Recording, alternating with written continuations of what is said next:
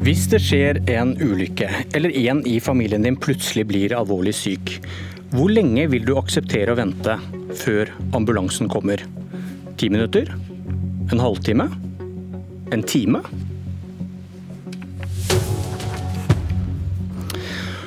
Og nå skulle vi hatt en debatt om dette. Om det er en god eller dårlig idé å lovfeste et krav om hvor raskt en ambulanse skal være på plass. Og vi har virkelig forsøkt, men verken helseminister Bent Høie eller noen av hans tre statssekretærer, Høyre på Stortinget, som bl.a. har fem representanter i helsekomiteen og 45 totalt, Frp, KrF eller Venstre på Stortinget, de tre andre regjeringspartiene, Ingen kunne komme til Politisk kvarter i dag for å diskutere dette. 92 personer der, altså. Og hvis f.eks. helseministeren hadde kunnet komme, da ville jeg spurt han om hvorfor er det en lov som bestemmer hvor raskt en brannbil skal være på plass ved en brann, men det ikke er en lov for når en ambulanse skal være på plass når det kan stå om livet. Og jeg skulle spurt han om noe han sa i Stortinget forrige uke, der han forteller at ambulansene nå er raskere på plass enn i 2016. Og det har vært en større forbedring i distriktene enn i byene. Hør på dette. Og Det er også heldigvis sånn at eh, når vi ser på utviklingen i responstid eh, sammenlignet med 2016, så er en òg eh, i en utvikling der en har en positiv utvikling, og der utviklingen er bedre i distriktene enn i tettbygde strøk. I 2018 tok det 31,5 minutter før ambulansen var på plass i distriktene. I ni av ti tilfeller. Det er det tallet uh, Høie skryter av, som du hørte her. Så fant jeg en sak i VG og en fra NRK som refererer til Helsedirektoratets statistikk for 2013. Året Høie overtok som helseminister. Da tok det 31,1 minutter før ambulansen var på plass i distriktene. Direktoratets hjemmesider har bare tall fra de to siste årene tilgjengelig på sin nettside, men hvis dette er riktig gjengitt, så har responstiden økt litt på Høyes vakt. Det skulle jeg gjerne spurt han om han var klar over da han sto og snakket om tallene fra 2016 på Stortingets talerstol. Men ingen kunne komme. Det ble ikke debatt. Trygve Slagsvold Vedum, leder i Senterpartiet, du er her. Velkommen. Takk for det.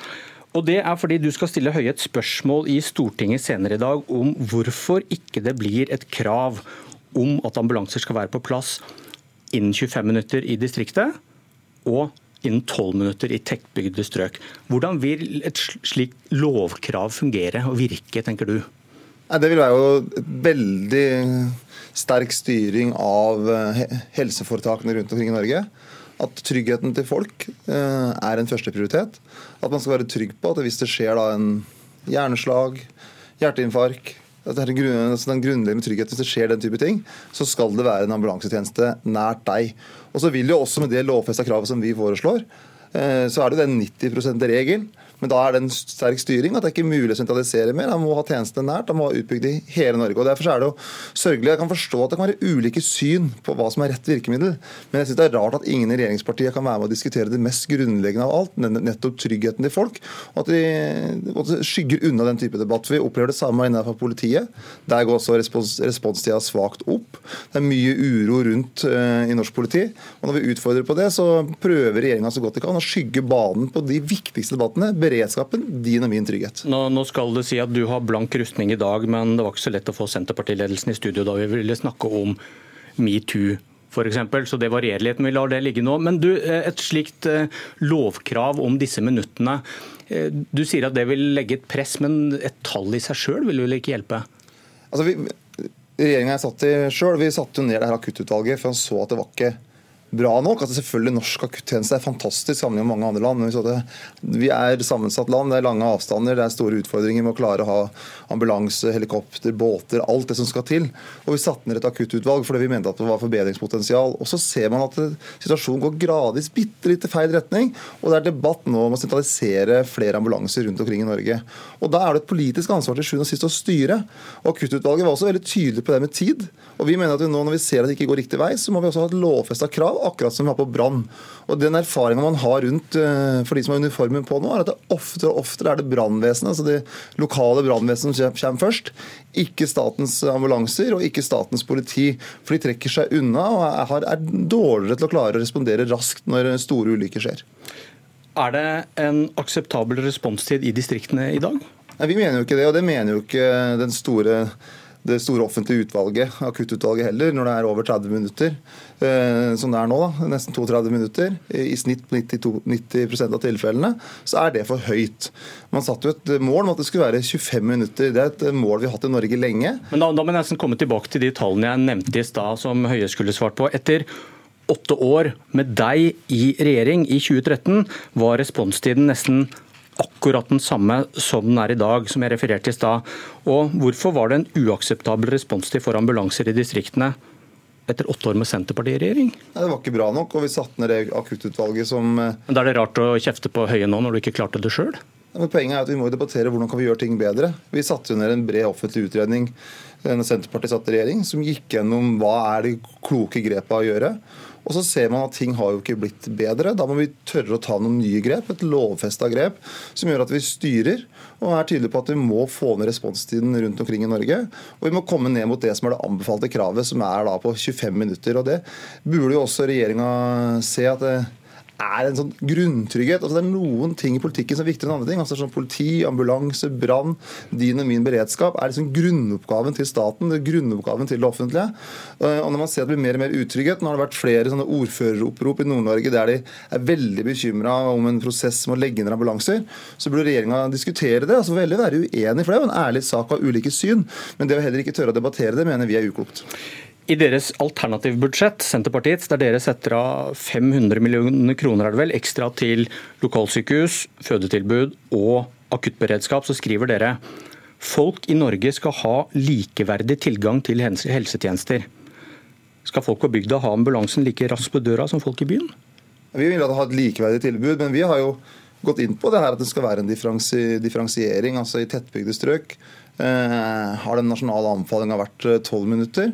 Eh, i såkalt grisgrendte er et rart ord, da, men altså på bygda eh, så er det 25 minutter. Det da, da, er det ikke sant det dere skriver. Folk i Norge skal ha et likeverdig tilgang til helsetjenester. Ja, det, er det, er dobbelt så lang responstid på bygda på, på et hjerteinfarkt, så er det likeverdig tilbud? Selvfølgelig så Det ideelle hadde vært at det var like godt overalt. Det er det dere skriver. Ja, også i det offentlige utredningen så kaller han det et likeverdig tilbud hvis man har 12 og 25 minutter. Jeg, jeg kan enig at det kan misforstås, men i hvert fall klare oss å nå det. da. At vi har den tryggheten rundt 12 minutter, rundt 25 minutter, og at vi går i riktig retning. Nå går man... Er du enig i at denne setningen er litt uh, misvisende? Den setningen som også blitt brukt i offentlig utvalg når det gjelder ja, men Det unnskylder vel ikke hva du Nei, skriver altså, i ditt program? Ja, det er godt vi kunne skrevet sånn at vi skrevet det rett ut sånn som det som er forslaget vårt, da, med 12 minutter og 25 minutter. for da du snakker, du, du snakker ikke så ofte om at det er akseptabelt med dårligere tilbud på bygda. At det faktisk må være sånn, som du sitter og begrunner nå. Ja, men så Alle skjønner jo det at hvis uh, det er eh, enorme avstander, så vil det ta litt lengre tid. da må du kanskje være ærlig på det også, at det er, det er vanskelig å få ned tida i distriktene som du heller ikke klarte når du var statsråd? Det er fullt mulig å få til. og Det er det som er eh, de offentlige anbefalingene nå, ned til 25 minutter. Men nå går det gæren vei. og Det er det som vi ønsker å ha en tydelig politisk styring på det.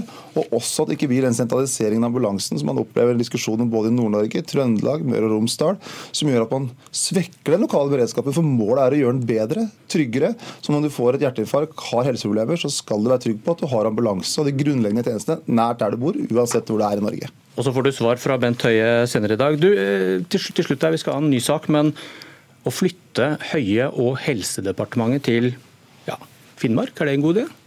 Først vi får ta ambulansen. Altså, det er viktigere først å ha ambulansefly og helikopter. Og så får jeg tror eh, det er det, det folk i Finnmark er mer opptatt av å få ambulansen enn å få Bent Høie. Takk for at du kom, Trygve Slagsvold Vedum. Abonner på Politisk kvarter som podkast og få sendinga rett til din mobil. Send Siv Jensen til Leikanger. Kommentator i Bergens Tidende Jens Kiel, det var din penn som tok uransakelige veier i helgen. Og god morgen i Bergen. Fortell hvordan du ser for deg Siv Jensen sin arbeidsdag ved Sognefjorden.